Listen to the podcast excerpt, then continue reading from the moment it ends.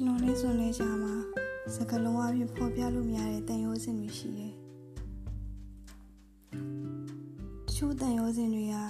အပြန်လည်ဖွင့်ဟဝင်ခံခြင်းအပြင်ပုံပြီးတန်ဖိုးတက်လာကြပြီမယ်။တချို့တန်ရိုးစင်မျိုးကြတော့တင်ထားနိုင်လေကောင်းလေပဲ။ထုတ်ပြလိုက်ရင်တန်ဖိုးရောကျသွားတာရှိတတ်တယ်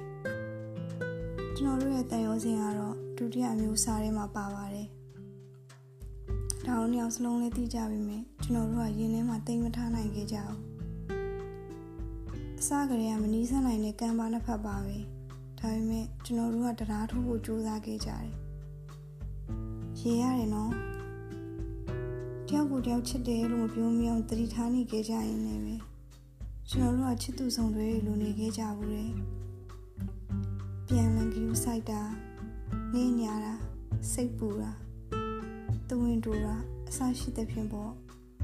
ဒီလိုစိတ်တစားနံတွေကိုပဲစူလိုတာပါတခြားဘာမှမပါပါဘူးမယုံမှုဆိုရင်လည်းသဘောပေါ်လीတခုလိုချင်တော့တခုခုပြန်ပြီးရတဘာဝပဲမဟုတ်လားဒီချင်းလေးလေးဖြစ်လာဖို့ကျွန်တော်ဘက်ကသူ့ကိုထင်ချင်ထားရတာလေးတွေရှိတယ်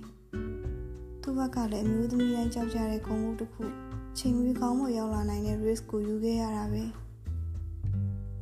ဆီယနီကိုရဲ့ရဲ့ဝိထုပုတ်ထဲကလို့ပေါ့လေ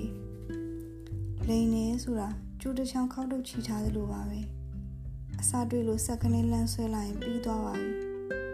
ဘာမှဆက်လုပ်လို့မရတော့ပါဘူးတနေ့မှာတော့အဲ့အစာကိုဇွန်ကတွေ့သွားခဲ့တယ်ဒါပေမဲ့အရင်စိတ်ထားနူးညံ့တယ်လို့ကျွန်တော်ပုံအမြင်ငင်းညာရတဲ့ဇွန်ဟာ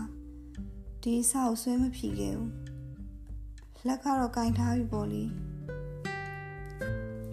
ကျွန်တော်ရဲ့ရှိစုမဲစုအရေးချင်းတွေကတခုကတော့လူတယောက်အထူးသဖြင့်အမျိုးသမီးတယောက်ရဲ့အမူအရာကိုကြည့်ပြီးအခြေအနေတယောက်ကိုအနည်းဆက်ဆုံးကဲဖြတ်နိုင်ခြင်းပဲဇွန်ကအဲ့ဒီစူးစမ်းကိုကင်ထားပြီးဆိုတာကျွန်တော်သိတာပေါ့ကျွန်တော်ထိန်ချန်ထားတာတွေကိုသူသိသွားတဲ့နေရာဆိုရင်စကလုံးတွေမသိမသာတုံရင်နေရမျက်နာကဝမ်းနေရိပ်ပြီးတော့ကျွန်တော်လက်ကိုကင်ထားခဲ့ပုံဟုတ်တယ် ကျွန်တော်တို့တူရှိခဲ့ကြတဲ့ရက်ဒီမှာဇွန်ကကျွန်တော်လက်မောင်းလက်ကောက်ဝတ်တွေကိုခဏခဏကင်ခဲ့ဘူးတယ်ဒါပေမဲ့လက်ဖွားကိုတော့အဲ့ဒီတစ်ချိန်ပဲကင်ခဲ့ဘူးတာပါသူ့လက်တွေအေးဆက်နေရလဲကျွန်တော်သိခဲ့တာပေါ့ဇွန်ကကျွန်တော်ကိုချောင်းပိတ်မရိုက်ခဲ့ဘူးဒီနေ့ဒီချိန်ဒီဘာတစ်ခုမှအပြစ်မပြောခဲ့ဘူး